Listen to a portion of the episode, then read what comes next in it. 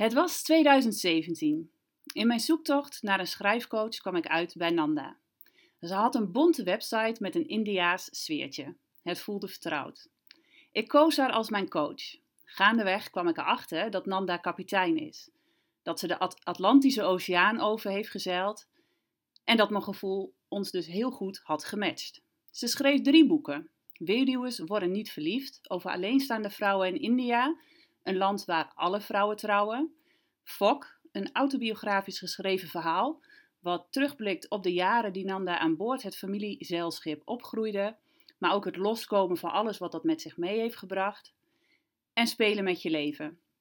Een boek dat je leert hoe je autobiografisch, autobiografisch schrijft met fictieve elementen.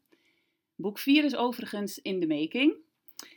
En Nanda inspireert me met haar schrijven. Haar woorden zijn raak. Ze inspireert me in haar ondernemerschap. Ze durft winnende formules in te ruilen voor nieuwe dingen, omdat haar hart dat van haar vraagt. Ze leeft in communities in Nederland en volgt eigenlijk nooit de gebaande paden. Ladies and gentlemen, vandaag ga ik in gesprek met deze bijzondere schrijfster, Nanda Huneman. Welkom. Dank je. Hoe gaat het met je? Oh, ja. Laten we daar eerst eens mee beginnen, na deze introductie. Ja, op dit moment gaat het prima. Ik heb wel zin in dit gesprek. Ja? Ja. Het was een beetje een last minute, eh, of een last minute, een paar dagen van tevoren. We hadden Ja. niet heel ver van tevoren gepland. Dus heel veel voorbereiding was er niet. Nee. Maar dat was ook goed, begreep ik. Ja, vaak, ja, vaak zijn dat toch de mooiste gesprekken, als ze Ja. spontaan ontstaan. Ja. Ehm, nou ja, goed, laten we er dus in gaan duiken. Ja. Het is even geleden, maar ik heb uiteraard Fok gelezen. Mhm. En ehm, ja, in, in jouw levensverhaal, mag ik dat zo zeggen? Ja. Ja, ja dan neem je ons mee eh, in je opvoeding. Eh, het opgroeien aan boord van een zeilschip. Eh, je sprak niet voordat je vier jaar oud was. En jullie gingen uiteindelijk in een dorp wonen waar je je nooit echt welkom hebt gevoeld. En ik ben heel benieuwd hoe deze dingen jou gevormd hebben tot waar je vandaag, waar je nu staat. Hoe mijn jeugd me gevormd heeft Ja, en nou ja, het, weet je, het wonen aan, of het opgroeien aan boord van een zeilschip is natuurlijk ja. sowieso al iets ja. Ja. heel unieks. Mhm. En dan ook nog in een dorp terechtkomen. Ja, wat het ongeveer het omgekeerde is van het wonen op een zeilschip. Ja, Ja. Die eerste jaren waren natuurlijk juist heel vrij, zonder vaste lichtplek en veel op het wat zijn en dan weer in die haven en dan weer in die haven. Mhm. En, eh, en het wonen in een dorp, eerst op het schip en later in een huis. ja. Dat is natuurlijk echt zo boing. Op één plek op dat onbewegelijke land. Hoe oud was je toen, je de switch, toen jullie de switch maakten? Nou, toen wij naar school moesten. Dus toen was ik eh, een jaar of eh, vier, net daarvoor denk ik. Het moment dat je begon te praten. Nou, dat heb ik een beetje aangezet in het boek hoor. Oké. Kijk, ik, ik sprak heel weinig als kind. En mijn moeder is ook wel echt met mij naar de dokter gegaan. Ja. Dat ze zich daar zorgen over ging maken. En dat heeft ze een keer tegen mij gezegd. Dat herinner ik mezelf absoluut niet meer. Oké. En toen dacht ik, "Wat, dat is een mooi verhaal gegeven. Dacht ik, vanuit daar ga ik beginnen. Ja. En, maar ja, een half jaar niet praten, dat is een jaar, vind ik niet echt bijzonder. Dus ik heb dat uitvergroot aan Ja. een meisje wat veel langer stil blijft en in haar eigen hoofd blijft. En wat ook paste bij die wereld op zee. Nog niet zozeer met mensen in communicatie te hoeven, maar meer in je eigen bubbel te zijn. Ja. En dan moet ik meteen aan jouw laatste boek denken. Spelen met je leven. Ehm, levensfictie toepassen in je Ja. eigen verhaal. Ja, Is, is dit dan meteen een goed voorbeeld van... zeker. Ja. Le- Fok is één groot voorbeeld van levensfictie eigenlijk. Spelen met je leven schrijf ik ook aan de hand van het proces hoe ik Fok heb geschreven. Oké, ja, dat weet Dus, ik eh, uit. er, er gebeuren heel veel dingen in Fok die in het echt niet zijn gebeurd. Dus het is, ik zou niet eens inderdaad niet echt zeggen dat het mijn levensverhaal is, maar dat ik meer een soort basisprincipes daaruit heb Mhm. gehaald. Zoals opgroeien op zee of een tijdje niet praten. Of in een dorp opgroeien waar je je niet thuis voelt. Hmm. Eh, de oceaan oversteken. Al die elementen heb ik gebruikt. Maar eh, het is niet één op één mijn verhaal. En was dat dan ook meteen toen je voelde, ik moet een boek gaan schrijven. Eh, van oké, daar ga ik allerlei fictieve dingen bij, of ik ga dingen uitvergroten. Of is dat een soort van proces geweest wat je ontdekt hebt? Ja, nee, dat is gaandeweg eigenlijk heeft zich dat gevormd. Want ik zat, ik zat in een soort spagaat. En die spagaat herken ik ook vaak bij andere mensen. Dat ik dacht van ik moet of een roman schrijven of ik moet een autobiografie schrijven. Hmm. En ik kon niet echt kiezen. Zo van als ik een roman ging schrijven, daar, daar kwam ik eigenlijk niet veel verder mee. Of ik kwam eigenlijk steeds weer terug bij mezelf. Ja. Eigenlijk. Ik merkte gewoon dat ik, hè, wat ik zelf heb meegemaakt, voor mij de brandstof is om tot schrijven te komen. Dat dat mijn materiaal is. Mhm. Maar als ik helemaal bij mijn autobiografie bleef, vond ik het ook weer zo smal. Zo, hè? Dan heb je zo'n dat niet praten. Ja, dat wordt eigenlijk pas interessant als ik dat ga uitvergroten. Ja. En dus toen ben ik dat inderdaad zo gaandeweg gaan combineren. En, en zo is die term levensfictie eigenlijk ontstaan. Dat is jouw term. Ja, Ja, ik vind hem briljant. da- dank je. ja, en eh, dat was voor mij echt ook een verademing. Dat ik dacht, oh ja, maar dit is ook iets. Hè, dit is niet net niet een halve autobiografie of een halve roman. Dit, nee, dit, is- dit is iets op zichzelf. Ja. En dit kan je ook een genre noemen. En toen ik Spelen met je leven ging schrijven, dat was ook omdat ik hè, die strijd bij veel schrijvers ook zag. Mhm. Van, oh ja, moet ik nou mijn eigen verhaal vertellen of ga ik nou iets verzinnen? En mag ik dan iets gaan verzinnen? Ja, want dat is ook, nou ja, en natuurlijk, je hebt mij begeleid in mijn schrijven. Ja, En het voelde voor mij soms alsof ik gewoon aan het liegen was. ja, ja. Herken je dat? Nou ja, wat ik dan vaak zeg, zeg maar, maar eigenlijk is alles een leugen. Oké. Van, Kijk, jij hebt een bepaalde manier je herinneringen opgeslagen en je hebt daar het stickertje waarheid op geplakt. Mhm. Maar iemand anders heeft dat zeg maar, heel anders opgeslagen. En heel anders onthouden. En daar Mhm. het stickertje waarheid op geplakt. Maar ja, hoe je dingen onthoudt is natuurlijk zo subjectief. Zo selectief. Ja. En eh, dus ja, ik ken die zin, zeg maar. Ik, ik denk dat ik zelf niet zozeer denk in de term liegen. Maar Nee, hoor- heel sterk inderdaad. ja, ik hoor wel mensen vaak die term noemen. En, eh, maar dat is een soort van eigenlijk gekke aanname die we hebben. Dat wij denken te weten wat de waarheid is. Mhm. Maar die staat helemaal niet zo heel erg vast. Nee. Dus fictie ligt voor mijn gevoel ook heel dicht tegen die werkelijkheid. En ja, eigenlijk is onze werkelijkheid een en al fictie. Ja, ja. We maken Ja. ons eigen verhaal. Dat doe je ook al in je hoofd. En wij, wij koppelen, wij denken dat dat de waarheid is. En dat we die waarheid moeten opschrijven. Maar ja, dat is, ja, dat is maar de vraag. Ja. Toch? En dan kan je er maar beter mee gaan spelen. Veel is ehm, left to interpretation. Ja, het is, het is ook dat. En ook, ja, je pikt natuurlijk bepaalde dingen eruit. Ja.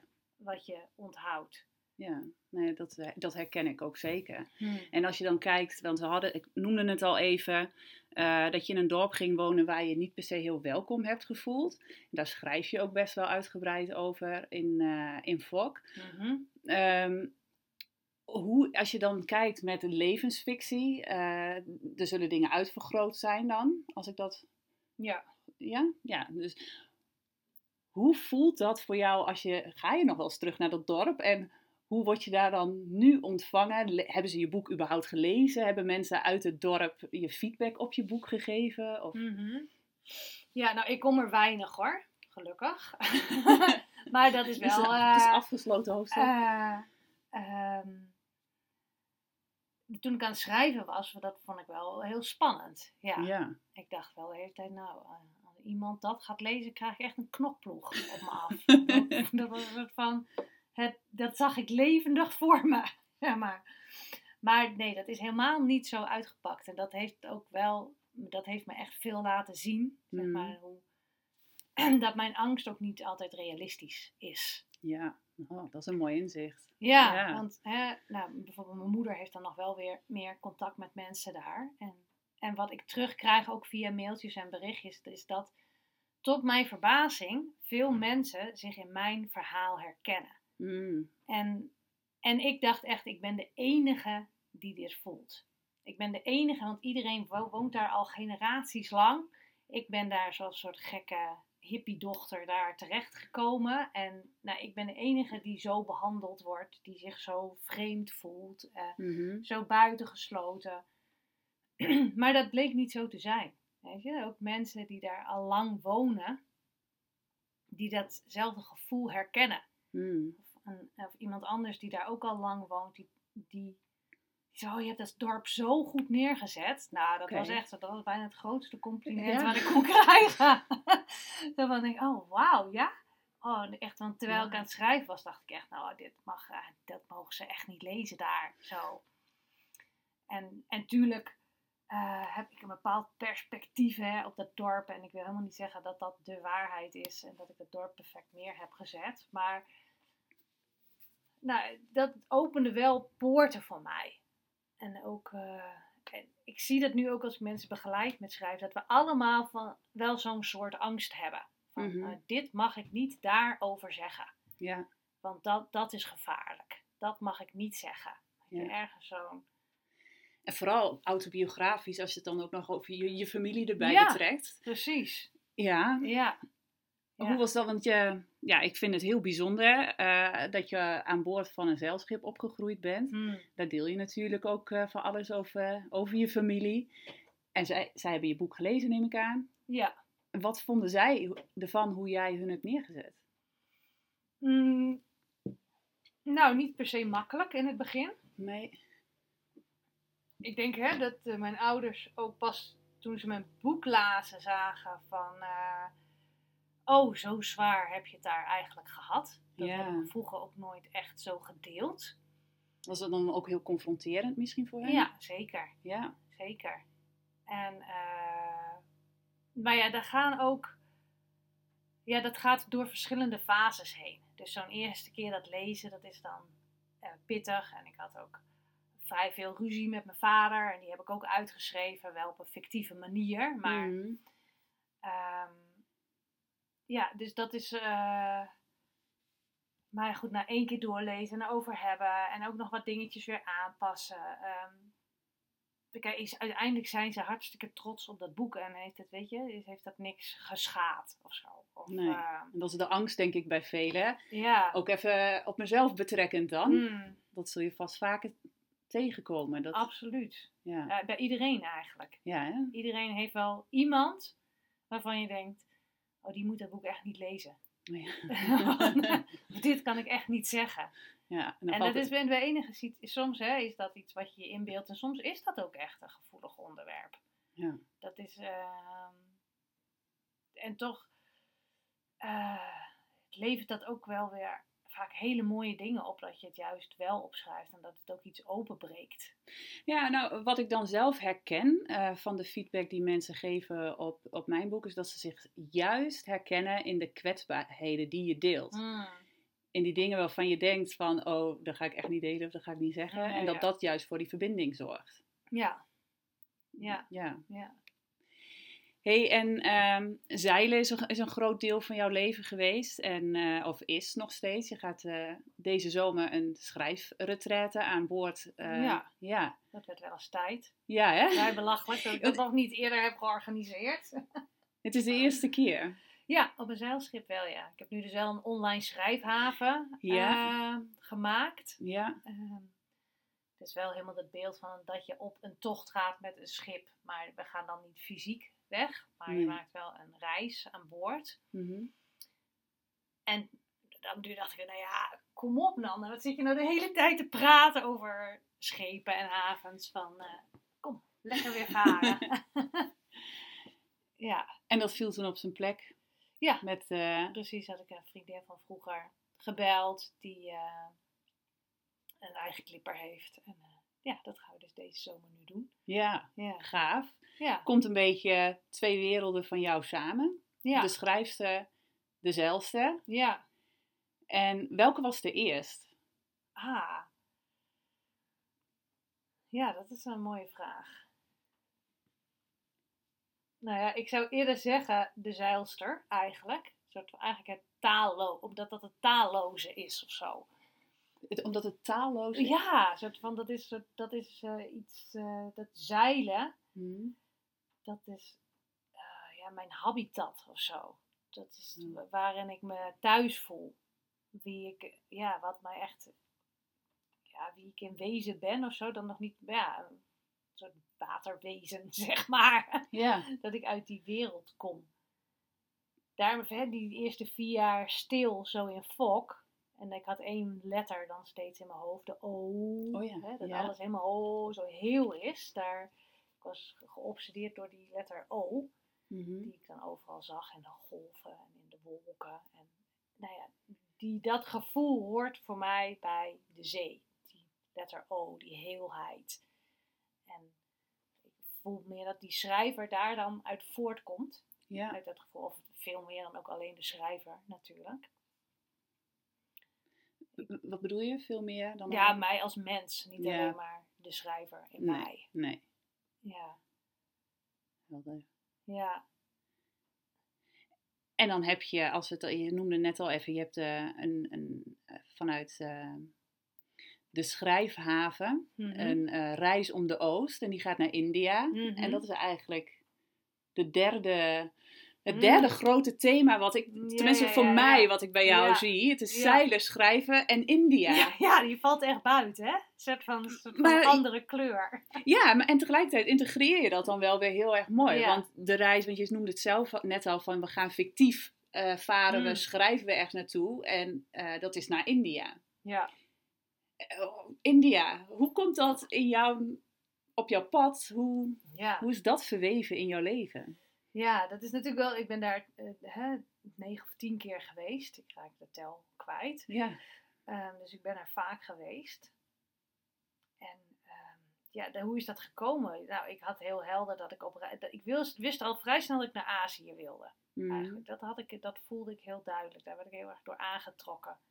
Dat, ik dacht steeds China. Ik had al vanaf mijn vijftiende allemaal boeken over China gelezen. Mhm. Ik dacht ook dat ik alleen zou gaan, maar de eerste keer ging ik toch samen met een vriendin. Maar die wilde absoluut niet naar China. Die wilde naar Afrika. Dus jullie dus iets van, daartussenin zo'n compromis gemaakt en dat werd India. Ja, En zij kende iemand die daar woonde. En zo ja, kwam ik dus eigenlijk vrij random daar terecht. ja. Maar daar ook weer niet, want ik wil, had wel altijd al interesse ook in meditatie en de Oosterse filosofieën. Mhm eh, ja, en het is, eh, ik moet zeggen dat het voor mij dat altijd nog een mysterie is waarom ik zo vaak ben teruggegaan. Eh, Elke keer als ik in het vliegtuig zit, dan vervloek ik mijzelf. Ik denk, Want? "Jee, Ga ik nou weer? Why? Wat doe ik mezelf aan? Dat, dat is echt, nou ja, wat natuurlijk heel vaak over India wordt gezegd. Het You love zo- it or you hate ja, it. Het is, maar, het, ja, maar tegelijkertijd eigenlijk, you love it and you hate it Ja, precies. Ja. dit, dit roept allebei op. Ja. Dus ik, ehm, eh, Wat maakt dan... kijk, ik wil India niet neerzetten van, oh ja, zo'n spiritueel land. En dan kom je helemaal in een andere vibe. En het is zo'n andere wereld. En de mensen zijn zo open. En wat ook, weet je, wat ook waar is, maar is echt maar een deel van de werkelijkheid. Weet je, Mhm. je wordt ook bedrogen. Mm. En het is ook eh, bij tijd en wijle helemaal niet prettig om de hele tijd aangestaard te worden en op je spullen te moeten letten. Nee. En, maar ik, weet niet, ik denk wat mij echt aantrekt is een soort van de, de echtheid of zo daarvan. Ja. De rauwheid, de wildheid, de, het niet in één plaatje passen vind ik eigenlijk juist heel intrigerend. En dat past dan tegelijkertijd ook weer heel goed bij jou, denk ik. Ja, ik vind het ook wel bevrijdend. Ja. Een soort van, ik wil niet soort van, oh, de, het ashram type zijn, zeg maar. Ja. En dan de rest van de wereld vergeten. Dat ben ik ook niet. Nee. Van, dus ik vind dat in India ook wel, ja, dat is zo relativerend. En dat niks, echt, je kan bijna niks over India schrijven. Als, en je kan ook al het tegendeel bewijzen. In mijn eerste boek, toen studeerde ik journalistiek. En dan heb je, hè, dan moet je dus eigenlijk de hele tijd feiten checken. Nou, dat is in India gewoon onmogelijk. Echt waar, dat is onmogelijk. Je krijgt gewoon, zelfs als je één iemand interviewt, Ja. die, dan, die vertelt de volgende dag gewoon een totaal ander verhaal. Als je het hebt over levensfictie. En geloof dat verhaal ook gewoon. Ja. Ja. En dan Ja. super verwarrend. En eh, Was dat dan trouwens eh, de aanleiding voor eh, jouw eerste boek? je studie en je moest een boek schrijven voor je nee, studie? nee, of- dat heb ik zelf verzonnen. Oké. ik ben om het duur. Ik ben in mijn eerste studie helemaal vastgelopen. Ik heb eerst sociale geografie gestudeerd. Ja. En daar was ik heel ambitieus in. En echt na anderhalf jaar was ik eigenlijk al overspannen. En daarna heb ik een soort van zo'n soort gevoel gehad van, nou, nu ga ik mijn eigen studie samenstellen. Oké. Zeven Eigenzinnig zoals je bent. Past ook weer helemaal bij je. Ja, ja, wat hebben we toch dat we zo vier jaar lang één soort studie moeten doen. Dat is ook zo ontzettend narrow, vind ik dat. Ja. Dus dat, ehm, ja, dus toen ging ik de zeevaartschool doen en journalistiek doen. En ik deeltijd journalistiek gaan doen. En ja, dat was een leuke opleiding, maar nou ook weer niet echt heel erg leuk. En dus toen ben ik na twee jaar gestopt, heb ik mezelf een jaar eh, nou, gegeven om, om dat boek te schrijven. Want toen was ik alweer wat vaker in India geweest en toen werd ik ook benieuwd naar dat onderwerp. Dacht ik, oh nee, ik ga eh, nee, dus een jaar dat boek schrijven, maar dat was niet een opdracht vanuit school. Dat heb ik, eh, En wat was dan die trigger om, want het is een vrij specifiek onderwerp. Weduws Ja. worden niet verliefd. Wat was dan de trigger voor dat boek? Ja, dat gaat dus over alleenstaande vrouwen. hè. Dus over vrouwen die helemaal niet, eh, die niet getrouwd zijn, die gescheiden zijn of die weduwe zijn. In India. In India. Ja. ja. De trigger was eigenlijk dat ik meerdere jonge vrouwen van begin twintig, nou hè, mijn leeftijd had ontmoet, die gingen studeren en die zeiden van, eh, nou ik ga echt niet trouwen, want dan ben ik vrijheid kwijt en dan kan ik niet eh, werken. En als ik dan weer terugkwam in India, waren ze bijna allemaal getrouwd. Oké, ja. En dat ik om een duur heel benieuwd werd van, ehm, zijn er eigenlijk überhaupt vrouwen die niet trouwen? Mhm. En hoe kunnen zij dan die keuze maken? Want ik zag hè, dat hele systeem dat het ook bijna onmogelijk was om die keuze te maken, om niet te trouwen. Mhm. Dus toen ben ik dat gaan onderzoeken van, oké, van als er echt vrouwen zijn die niet trouwen, wat maar 1% is van de hele bevolking, of in die tijd, dat zal ondertussen weer veranderd zijn. Die tijd hebben we het nu over. Ja, hoe lang is dat geleden? Dikke 20 jaar geleden. Oh, wow. Ja. Dus hoe maken die vrouwen hun keuze? Oh, hè, welke omstandigheden hebben zij ook nodig? Mhm. Ik heb ontdekt dat die steun van de familie essentieel is om die keuze te maken. Mhm. En ook, eh, ze worden al, al snel geassocieerd met andere alleenstaande vrouwen, zoals weduwen, die, hè, die echt heel slecht behandeld worden in India. Vanuit de Hindoeïstische filosofie is het eigenlijk de schuld van een vrouw als de man eerder overlijdt. Oké. Dus zij mag dan ook geen kleur meer dragen, geen armbanden meer dragen. Ze is eigenlijk geen vrouw meer. Mhm. Ze leeft voor de rest. Dat is ook ondertussen allemaal alweer een stuk verschoven hoor. Hm. Ehm, maar met die ogen wordt er wel naar alleenstaande vrouwen gekeken. En ook naar gescheiden vrouwen bijvoorbeeld. Waren die vrouwen ook heel ehm, eh, oké met hun verhaal delen? Of was dat toch wel iets spannends, omdat het zo'n... Zeker, dat was heel spannend. Ja? Ja, ja, ja. ja. Dat, wordt, dat is niet iets ehm, waar ze heel makkelijk over praten. Nee, daar kan ik me iets bij voorstellen. Het maakte wel echt uit dat ik eh, gewoon een totale buitenstaander was. Dus niet in een of andere kasten zat of niet uit hetzelfde dorp kwam. Ja. Dat gaf een soort vrijheid. En zij wisten dat je een boek eh, over Ja. Ja, Ja. ging schrijven. Dat vonden ze ook nooit een Nee. issue. Nee. Oké. Nou ja, goed. Die verhalen werden natuurlijk wel af en toe aangepast. Hè? Dus de, ik moest wel vijf keer met iemand praten voordat ik Ja. een beetje bij het echte verhaal kwam. Of wat ik, waarvan ik dan denk dat het het echte verhaal is. Ja. Daar heb ik enorm mee zitten worstelen toen ik het uitschreef. Dat ik dacht, ja, welke versie ga ik nou opschrijven? Ja. Daar werd misschien dan al de... ehm, ja, hoe noem je dat? De bodem voor levensfictie. Ja, eh, ja, zeker. Ja, want toen heb ik ook besloten van, nou, ik ga al die versies opschrijven. Want ja. dat is eigenlijk het verhaal namelijk. Het is niet kiezen voor één verhaal, wat het verhaal is, maar juist die verhalen naast elkaar leggen. Dat, daar, daar zit de spanning. En dat zegt ook wat beladen is om te vertellen en, en wat niet of zo. ja. Ja. Ja.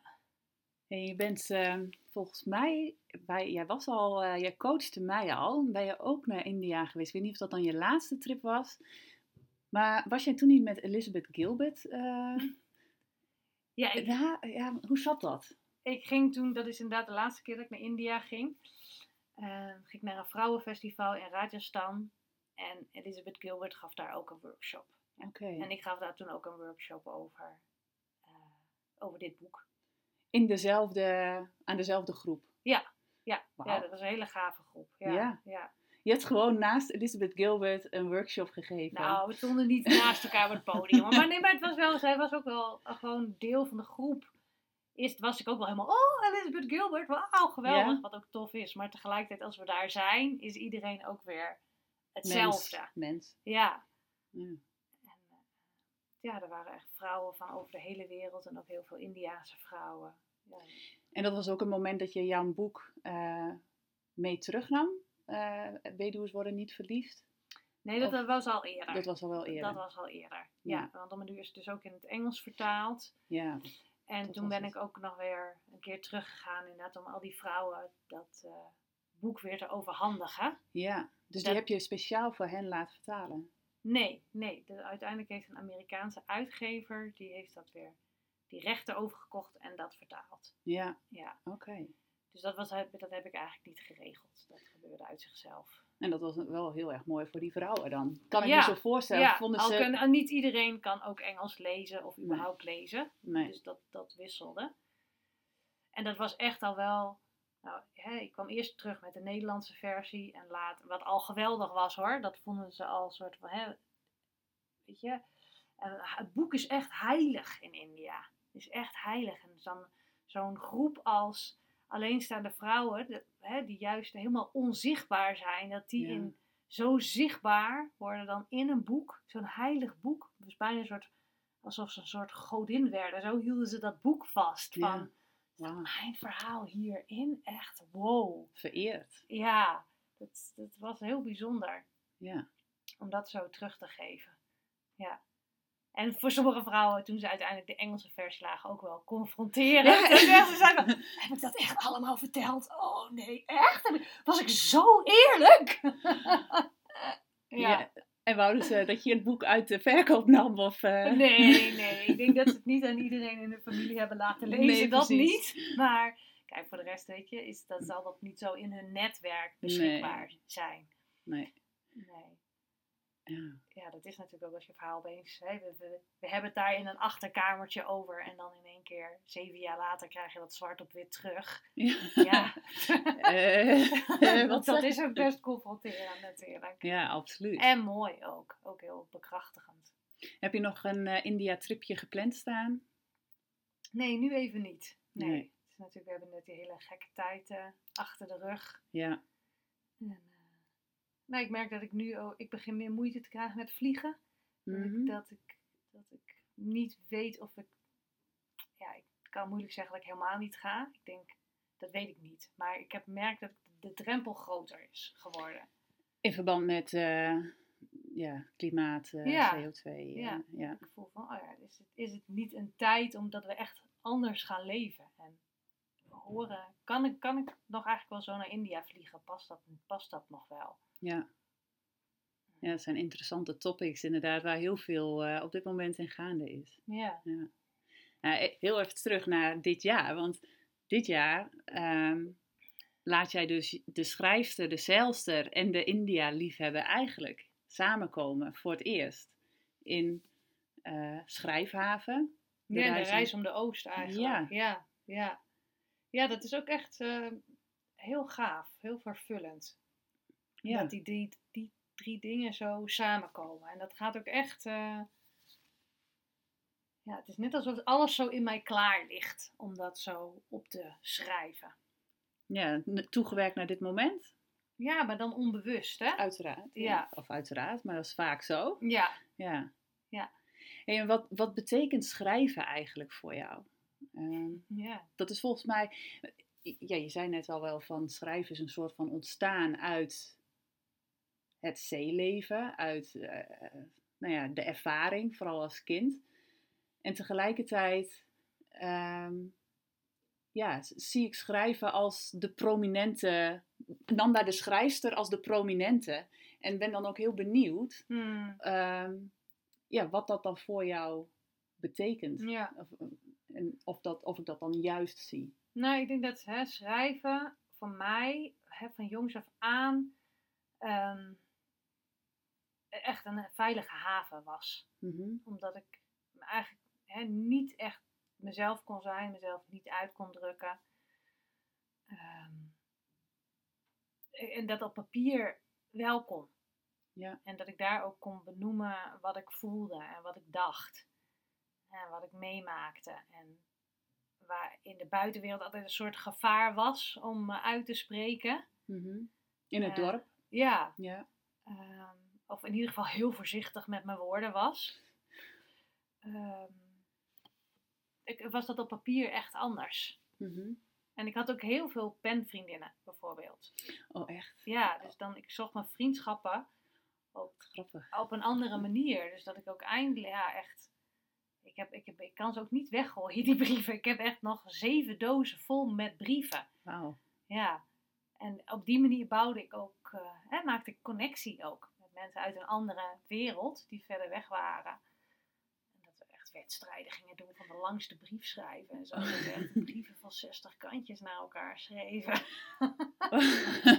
nou, wildvreemd, ja, je bouwt een relatie op door de ja, jaren sommige, heen echt, maar- sommige ik ging ze ook wel opzoeken. Nou, sommige had ik echt via flessenpost. eh, het klinkt heel romantisch hoor, het is echt waar. Ik vond echt best wel vaak eh, Eh, brief van, hè, van iemand. En dat ik daar dan naar ging schrijven. Dat we jaren door hebben geschreven. En waar kwamen die mensen dan vandaan? Waar kwamen die brieven vandaan? Maar soms uit Duitsland. Oh ja. Soms uit eh, ja, Woerden. Of, eh, of ja, overal uit het hele land. Van meisjes die op vakantie gingen op hun jacht. Zo. Ja.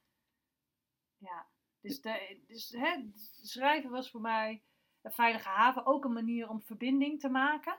Mhm. En, en, en wat schrijven denk ik ook echt was, is dat, ik, dat het een manier was om mijn eigen gevoel te containen. Of zo. Hmm. Van dat ik, eh, eh, ik had een hele rijke gevoelswereld met vrij, vrij veel uitersten daarin ook. Ik echt, nog steeds misschien wel, ik doorvoel dingen echt duizend procent zo. Ja. En dat ik heel lang heb gezocht van ja, pff, hoe uit ik dit, weet je? Ja. Van ja, ik woede aanvallen of heel blij zijn of wat doe ik met al dat gevoel in mij? Ja. En, en dat, ja, taal, het schrijven, was voor mij een manier om dat te doorvoelen en, en te uiten en te onderzoeken wat ik dan precies voel welke woorden daarbij passen. Lees je ook vaak terug wat je geschreven hebt?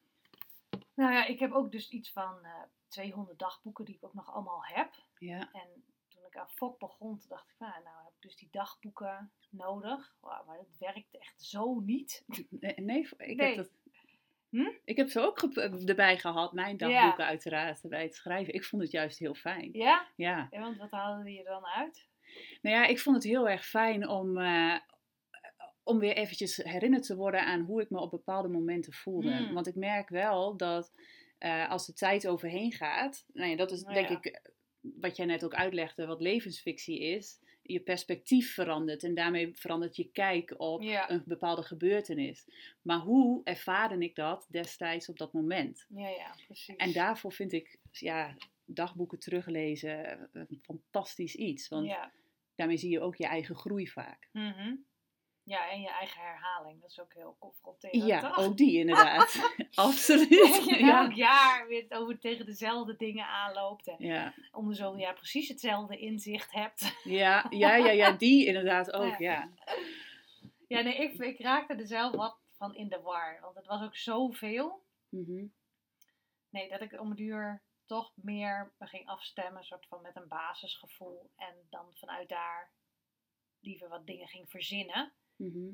Die meer vorm hadden. En dan om duur werd ik echt afgeleid door die dagboeken. Dus heb ik ze ook weer weggezet. Ja. Ja. ja, op een gegeven moment dan heb je een bepaalde draad of een bepaalde richting met het boek misschien Ja. ook. En dan draagt het niet zoveel meer bij. Ja, en dan word ik ook een personage. Mhm. En dus dan ga ik veel meer dat personage tot leven brengen. En dan zijn eigenlijk mijn eigen dagboeken een beetje, die brengen me daar weer van weg. Dan komt het eigenlijk weer net te dicht bij mezelf. Ja, ik heb juist eigenlijk hè, dat ik Tara ja. liet groeien en die had haar eigen gedachten, spinsels. En Tara is de hoofdpersoon in het boek Ja. van, eh, in, in Fok. Ja, Ja, ja. ja. ja. mooi. Hey, en, en jouw eh, opvoeding aan boord van een zeilboot en eh, jouw vele reizen naar India, zijn, zijn dat ook een soort van inspiratiebronnen geweest voor hoe jij nu vandaag de dag nog steeds leeft?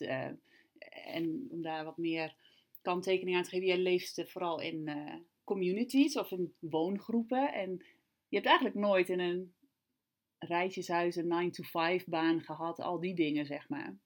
Nee, eigenlijk niet, nee. Ja, en dat maakt me dan heel nieuwsgierig. Ehm, in hoeverre jouw opvoeding daar dan iets mee te maken heeft? Of het... Ja. Om het even over een andere boek te ja, gooien. Precies, ja, maar soms is dat, ik, vind, ik vind het dan soms heel lastig om daarover te denken, omdat het voor mij zo vanzelfsprekend is. Ik heb niet eens het gevoel dat ik dat niet heb gedaan. Snap Nee, je? ja. Omdat het niet eens mijn referentiekader is. Nee. Ik denk, oh, zou, zou- had ik dat dan moeten doen of zoiets? Oh, is dat, is dat hoe je dat doet? Dat is, ik, ik voel niet dat ik dat niet doe. Ik doe gewoon wat ik doe. Ja. En ik, ik zet het daar niet naast. Dus dan is het soms ook lastig om te denken, hoe kom ik daarin? Ja, weet ik het, hoe ik daarin kom. Maar Ja. als ik daar een, hè, een beetje op nadenk, over nadenk, wat ik wel... kijk, wat, mijn ouders, die zou ik echt pioniers noemen. Ik ben Mhm. ook echt wel trots op mijn ouders. Op hoe zij dat Oh, hebben mooi. gedaan. Ja, dan... eh, En wa- waar ben je dan specifiek trots ja, op? dat zij ook gewoon zo hun eigen pad hebben gevolgd. Ja, ze waren het goede voorbeeld Ja, voor jou. ja. Het goede, ja. ja, dat, en, en, eh, en nog steeds ook. En ze hebben het ook. Dus ik ben ook niet met dat kader opgegroeid. Ze waren altijd een zelfstandige ondernemer. In Mhm. ieder geval vanaf het moment eh, dat ik er was. En, en toen was het nog helemaal niet normaal om met je zeilschip te gaan charteren. Dat, eh, we zijn echt van de eerste lichting die dat zijn gaan doen. Om met gasten te gaan zeilen. Hmm. Dus dat, hè, dat is een enorm spannend iets om te, op te gaan zetten. En om een hele vloot te starten. En uiteindelijk zijn, hebben ze ook nog huifboten ontworpen. Dat bestond ook nog niet. Dat is En een soort huifkar op een, Oh, op, een, oké. op een schip is dat. die iedere idioot kan varen. Een huifboot. Ja, dus een soort ponton. Met allemaal banden rondom. En dan staat daar een soort hele lelijke oranje huif op. Die je plat kan laten eh, vallen. eh, Laten gaan. Zodat je onder alle lage bruggetjes door kan. ja. Ja, een soort megatent op een schip. Oké. Dat liep supergoed. Nou ja, en die hebben ze toen ook weer allemaal verkocht. En toen weer een ander schip gekocht. Nou, zo zijn ze eigenlijk, hebben ze zichzelf de hele tijd vernieuwd Ja. uiteindelijk op de Schelling gekomen, pensioen gekocht, toen het pensioen weer verkocht en, en is mijn vader weer boswachter geworden. Dat, die zaten nergens in vast. Nee. En ik denk ergens wel dat dat een, een voorbeeld voor mij is geweest, of dat ik heel automatisch. Nou ja, ik denk wel dat het eh, heel erg verklaart dat, dat die 9 to 5 of dat rijtjeshuis waar ik het net, dan net over had, niet in jouw eh, gezichtsveld. eh, nee, nee, ja. 1 tot 5 deden we niet gewoon van 12 tot 12. Ja, precies. nee, dit is het van werken. Hè, kijk, ons schip was een soort van familielid. Zo kan je het wel zien. Als ik, een soort, als ik een opstelling doe, dan kan je dat schip erbij opstellen. ja, precies. Dat was, dat was niet... eh, En die had waarschijnlijk de meeste aandacht ja, nodig. precies. Die had ons, dat was ook wat ons samenhield. Maar dat was ook echt...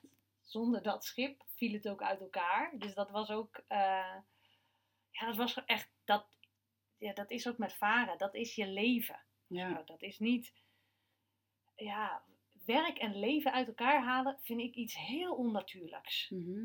Dat is zo, zo doe ik mijn werk ook. Dat is niet ehm, alsof ik naar mijn werk toe ga.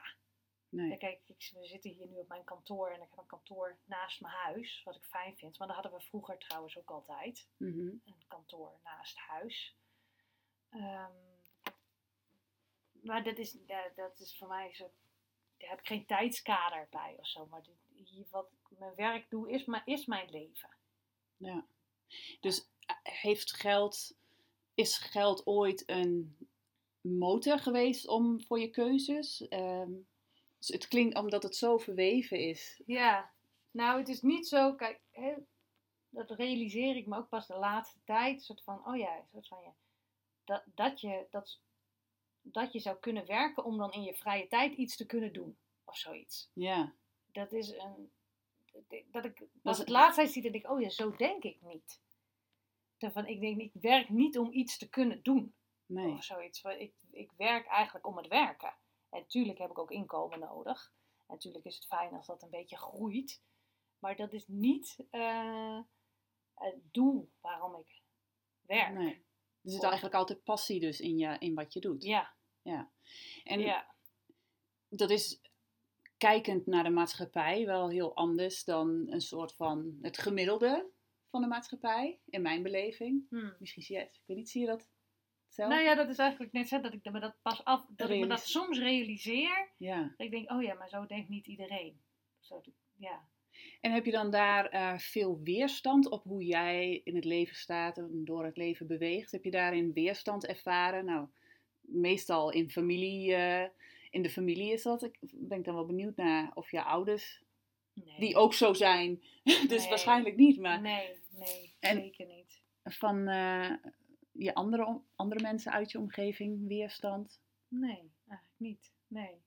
Nee, eerder denk ik van, oh wauw, hoe doe je dat? Zo. Ja, precies. Inspire je was een inspiratiebron. Ja, misschien, ja. Maar nee, ik niet echt. eh, nee, daar heb ik geen weerstand. Of eh, misschien soms wel wat onbegrip. Ja, Dat mensen denken van, jemig.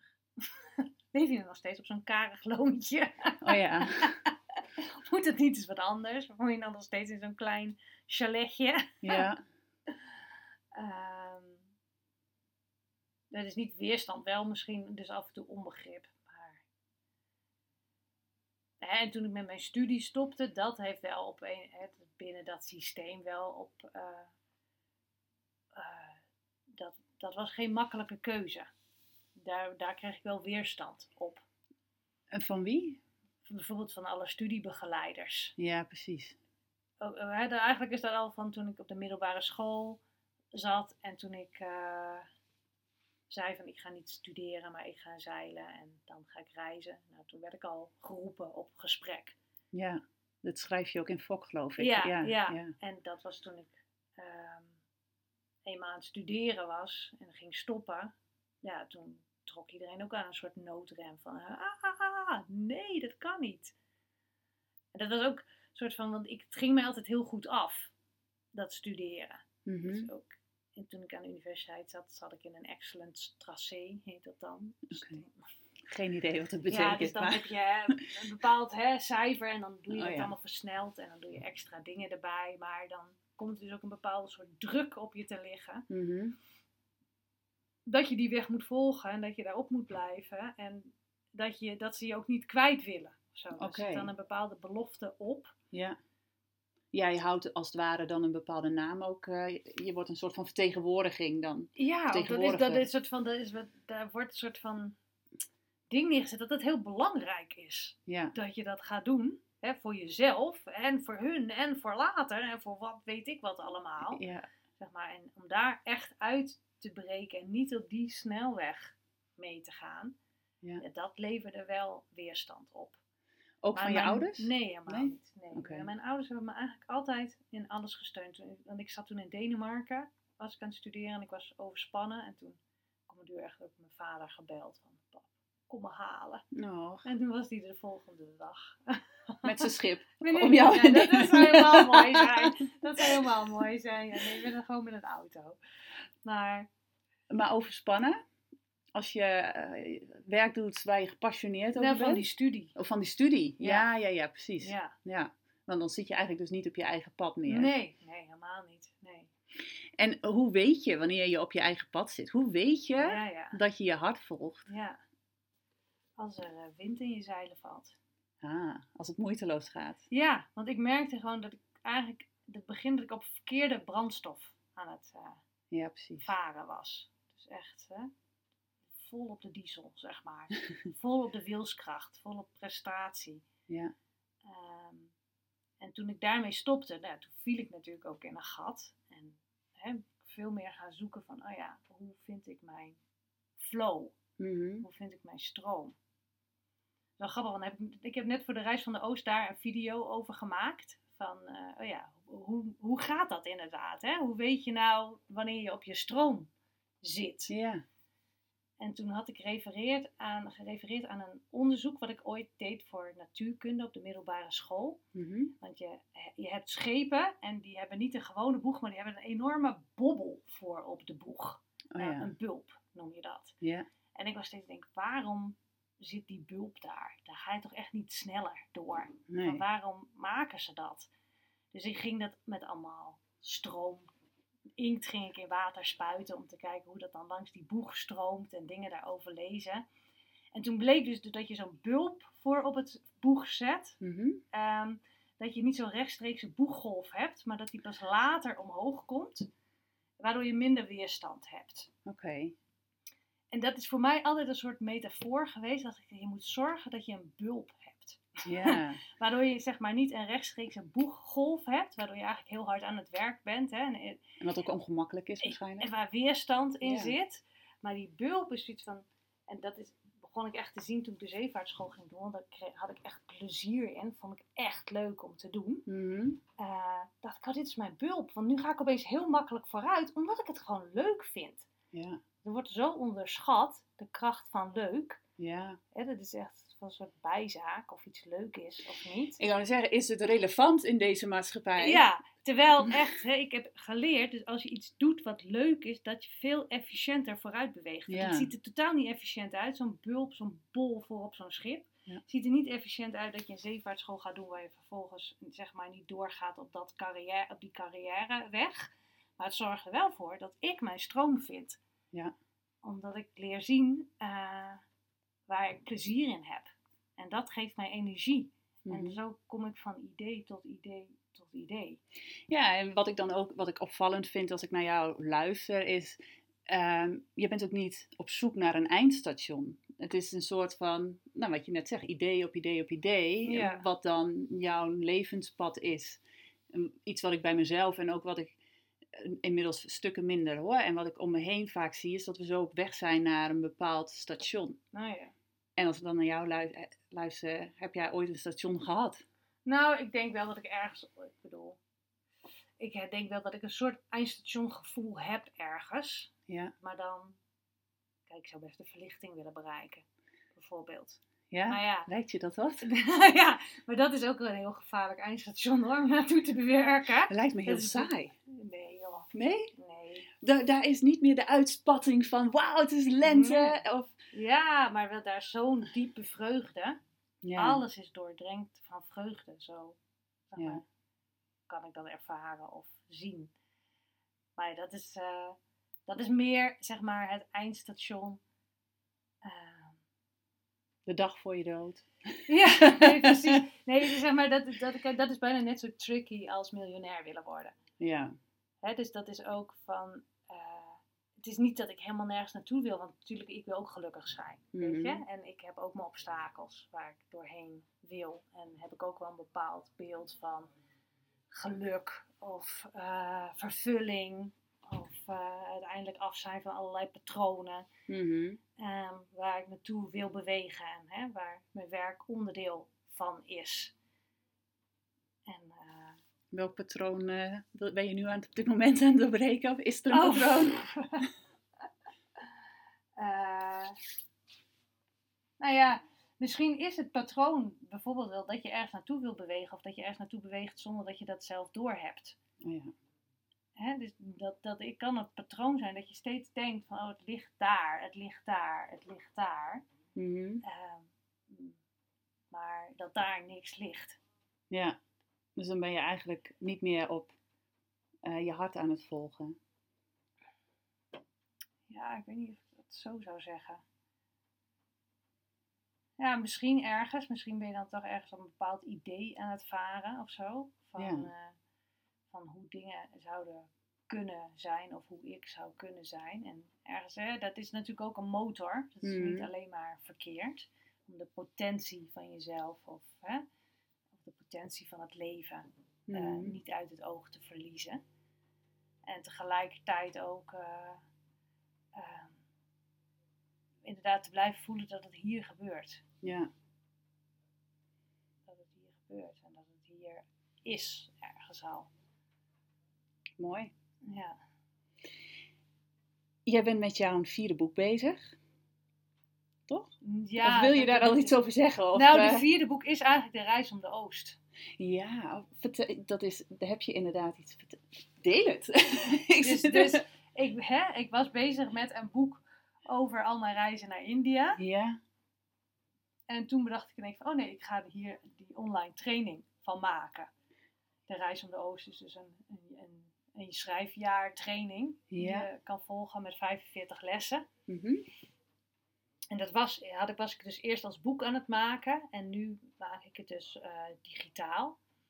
Eh, wel met al mijn verhalen er nog in. Dus ik schrijf er vrij veel voor. Maar ik gebruik nu dan ook video. En ik neem meditaties op. En ik maak linkjes naar andere filmfragmenten en lezingen. En dus dat is een heel, eigenlijk een heel nieuw soort boek wat ik nu aan het maken ben. Oké, want in mijn hoofd, ik, dit heb je wel verteld, maar ik had nog ergens, eh, als, die, als de training zeg maar straks voor de eerste keer of de, de jaartraining gedaan is, dan is er wel ook een fysiek boek. Ja, dat zou kunnen. Dat, dat, Oh, dat- ja. dat zou kunnen, ja. Maar meer in de vorm van is- een lesboek. ja, meer iets wat erbij komt dan. Ik, ik geniet er nu eigenlijk heel erg van dat ik zoveel meer kan doen online. Ja, Dat het niet alleen maar platte tekst is, maar dat, je, dat ik ook eh, kan praten. ja precies. Ja, kan praten. Ja.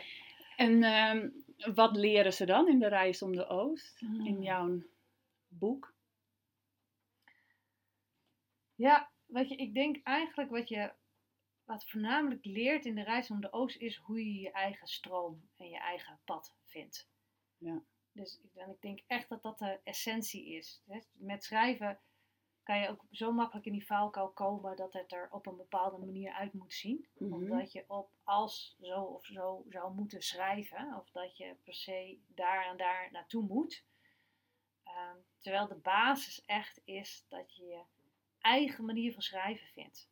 Dus dat je je eigen stijl vindt, je eigen taal vindt, je eigen verhaal vindt. Ja. Je eigen manier van schrijven, je eigen, hè, van hoe je dat inpast in je leven. Ehm, dus ik denk, hè, dus ik begeleid ze echt vanuit hoofd, hart, buik, tenen, daardoorheen. Eigenlijk de hele reis die ik zelf ook heb afgelegd. Ja. Want het vraagt ook, schrijven is niet iets wat je alleen met je hoofd doet. Dat, dat, en mediteren ook niet, zeg maar. Dat, is echt, dat vraagt alles Ja. in je lijf en in je ja. leven. Dus in de reis van de Oost leer je eigenlijk hè, alles wat je in je hebt in te zetten. En zodat je dat op je schrijfweg kan gebruiken, maar ook op je meditatieve weg. Want dat is ook niet maar, het is ook niet maar één manier van mediteren. Dus het is ook niet per se alleen voor mensen die een boek willen schrijven. Nee, nee. Nee, nee. precies. Nee, dus het is ook voor mensen. Het is best wel breed. Het is, want ik denk dat je het heel goed in kan zetten om een boek te schrijven. Mhm. hè? En, ehm, maar het is ook voor mensen die juist aan zelfonderzoek willen doen. Of die wat meer eh, over meditatie willen weten. Of verschillende dingen daar willen uitproberen. Ja, Of die juist creatiever willen leven. mooi. Ja, Ik word er nieuwsgierig van. ja leuk. Ehm, eens even kijken. Eh, ja, ik eh, denk dat we richting het einde gaan. En dan heb Hmm. ik drie laatste vragen voor je. En eh, de eerste is, wie is jouw grootste inspiratiebron? ah, Wie of wat? wie of wat, ja. Ja, Nou, ik heb er wel meerdere. ja. maximaal drie. Oh, maximaal drie. Oh, dat is echt ingewikkeld. Nou, kijk, eh, de schrijvers die ik veel aanhaal is Natalie Goldberg. Mhm. Dat is een eh, Amerikaanse schrijfster en schrijfdocenten. Ehm, met de boeken onder andere Wild Mind en Writing Down the Bones. En zij is wel echt belangrijk voor mij geweest om mijn eh, schrijven in gang te zetten. Ja.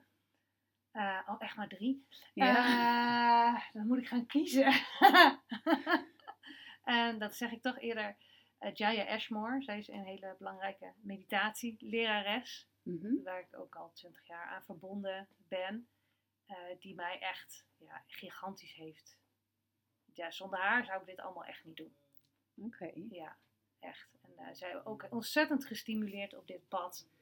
En veel samen met haar les gegeven. En juist ook omdat zij niet binnen één methode zit, heeft mij zo ruimte gegeven om meditatie ook echt op mijn eigen manier aan te vliegen. Ja, jij geeft hele mooie meditaties. eh. Oh. Ja. Dank je. Ja. Maar dat is echt, ook echt gevoed vanuit, eh, vanuit Jaya. Ja. Dus Mooi. die, die is echt belangrijk. En ehm, ja, en dan... eh, Een laatste Ja, dit is- inspiratiebron. Ja, precies. Ik denk, ga ik nu nog meer schrijfsters noemen. Maar dan misschien toch eh ehm, Jeannette, Jeannette van Omme, met wie ik heel lang les heb gegeven Mhm. van het schrijfatelier in Amsterdam. Ik ben ooit als haar assistent begonnen. Ze Ja. had zo'n advertentietje ergens neergezet eh, van creatief schrijfdocent, assistent op de Schelling gezocht. Nou, er was Ja, een dat soort is van, op mijn lijst geschreven. Hallo, dit is voor mij. En dat was ook, toen ik daar binnenkwam, was het ook heel duidelijk. Oh, en ja. we hebben 15 jaar samengewerkt. En eh, nee, maar zij heeft mij ook, ook wel echt geïnspireerd van hoe je dit kan doen. Zeg maar, schrijven en schrijfles geven.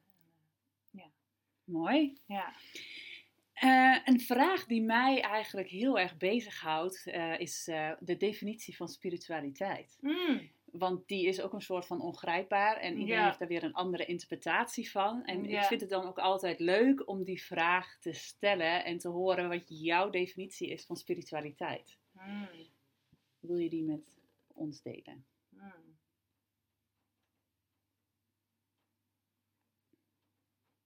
Jezus, dat is een onmogelijke vraag, joh. Omdat het eigenlijk gewoon zo, zo niet te definiëren is. Dat is denk ik de eerste definitie ervan. Ondefinieerbaar. Ja, dat elke definitie zeg maar, van over spiritualiteit nooit spiritualiteit is. Ja. Omdat het niet, omdat het niet iets vast omlijnd is. Zeg maar. Zodra je het definieert, maak je het al te klein. Hmm. Het, want het is alles. Het is echt alles. Alles is spiritualiteit. Weet je, ook je, je patronen is ook spiritualiteit. Zo, dat, is niet, dat staat daar niet los van. Mhm. Dat van die bomen, dat is spiritualiteit. De computer, echt, ja, gewoon fucking alles. Maar hoe, hoe, hoe kan de computer spiritualiteit zijn? Ja, dat is toch weer een, bijvoorbeeld... een- Bomen kan ik me nog wel iets ja, ja, ja, voorstellen. ja, de computer, die is wat ingewikkelder. Ehm, nou, omdat het misschien in wezen allemaal energie is. Hmm, ja. In wezen, in, in een computer is ook energie, Ja. natuurlijk. Ja. Kijk, hè, in wezen is alles energie. En heeft dat een, neemt dat een bepaalde vorm aan. Zijn wij ook energie wat een bepaalde vorm neemt, aanneemt. Zijn gedachten energie die een bepaalde vorm aannemen. Mhm.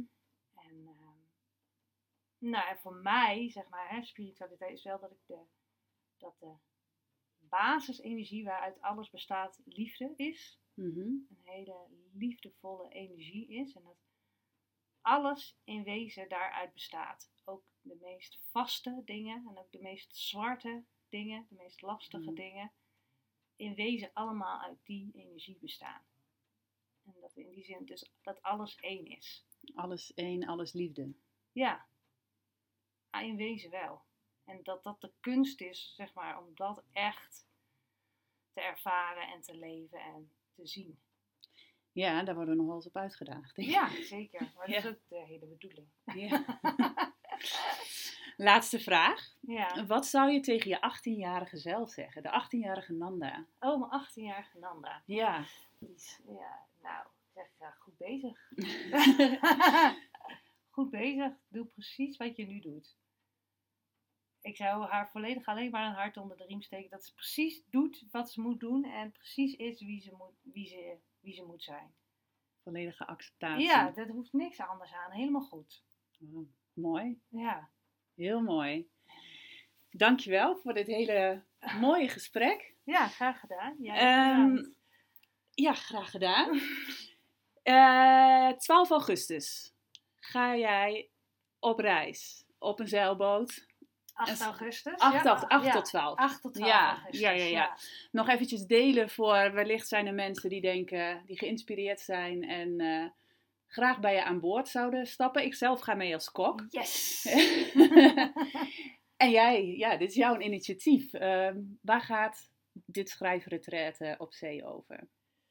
Eh, het gaat ten eerste over, over vrij zijn. Gewoon, Ja. hè? Dat is echt, we gaan aan boord en we gaan die zeilen hijsen en we zijn op zee en we voelen de wind en de zon. En, nou, eigenlijk dat hele gevoel wat ik in het begin beschreef, hè, van die Ja. oh, Dus van, dat is wel de basis. We gaan op zee zijn. Ja. En dan vanuit daar gaan we schrijven. En je kan thuis nooit zo schrijven als dat je op zee schrijft. Oké. Dat kan niet. Knopen in je oren. Ja. 8 tot dit is, 12 eh, augustus. Ja. En voor meer informatie, op nandahuneman.nl. Nanda, ik zal hem ook eh, onder de podcast Heel vermelden. fijn. Super. Dankjewel. En eh, we zitten net precies binnen het uur. Dus nou, check. Goed gedaan. ja. Veel gezegd. ja, veel gezegd. veel afgetikt. Ja. Nou, lieve mensen, ehm, ik hoop dat jullie dit ook weer een inspirerend gesprek vonden. Laat vooral even weten met een comment of een like. En tot de volgende podcast.